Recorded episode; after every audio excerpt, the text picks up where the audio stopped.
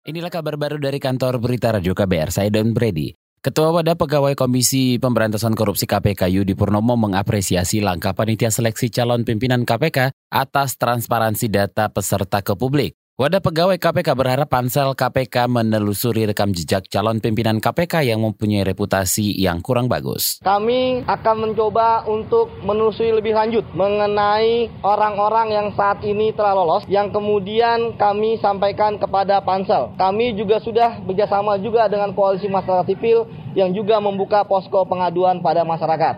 Sehingga nanti hasilnya ketika tahapan-tahapan berikutnya, ketika nanti calon pimpinan tinggal tersisa 30, ketika nanti uji publik, maka di situ bisa kita sampaikan.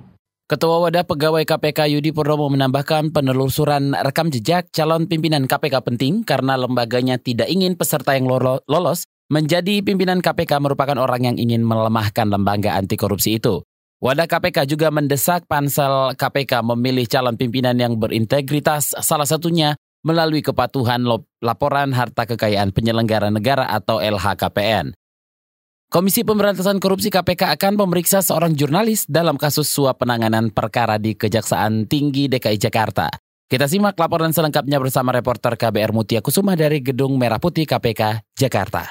Komisi Pemberantasan Korupsi KPK akan memeriksa jurnalis Subandrio dalam kasus suap penanganan perkara di Kejaksaan Tinggi DKI Jakarta. Ia diperiksa dalam kapasitasnya sebagai saksi untuk tersangka bekas asisten bidang tindak pidana umum Kejaksaan Tinggi DKI Jakarta, Agus Winoto. Selain jurnalis Subandrio, lembaga anti rasuah juga memeriksa tiga saksi lainnya, yaitu dua saksi dari unsur advokat bernama Heru Sutanto dan Mulyo Haridana. KPK juga periksa swasta bos Forex Hari Suwanda. Dalam perkara ini, KPK telah menetapkan menetapkan tiga orang sebagai saksi asisten bidang tindak pidana umum Kejaksaan Tinggi DKI Jakarta, Agus Winoto. Tiga orang tersangka adalah asisten pidana umum Kejati DKI Jakarta, Agus Winoto, pengacara Alvin Suherman, dan swasta yang diduga sebagai pihak pemberi suap yaitu Sandy Periko. Agus diduga menerima suap sekitar 200 juta rupiah dari Periko. Uang itu diserahkan Agus melalui kasupsi penuntutan Kejaksaan Tinggi DKI Jakarta, Yadi Herdianto. Dari Gedung Merah Putih KPK, Mutia Kusuma Wardani untuk KBR.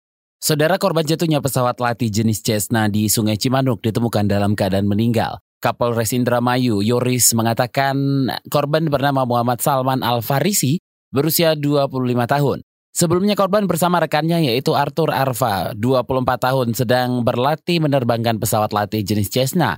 Namun Senin kemarin sekitar pukul 14.50 waktu Indonesia Barat, pesawat terjatuh ke Sungai Cimanuk. Korban diperkirakan sempat terseret arus sungai Cimanuk dan dinyatakan hilang. Dari berita mancanegara, saudara Iran mengaku tidak ingin berkonfrontasi dengan Inggris setelah hubungan kedua negara memanas akibat penyitaan kapal tanker Stena Imperio di Selat Hormuz pekan lalu.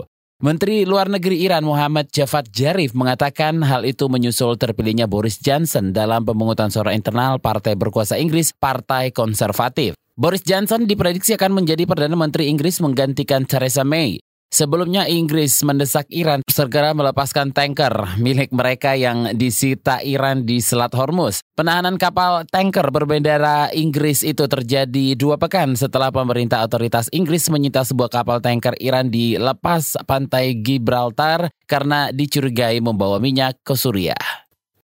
Demikian kabar baru dari kantor Berita Radio KBR. Saya Don Brady.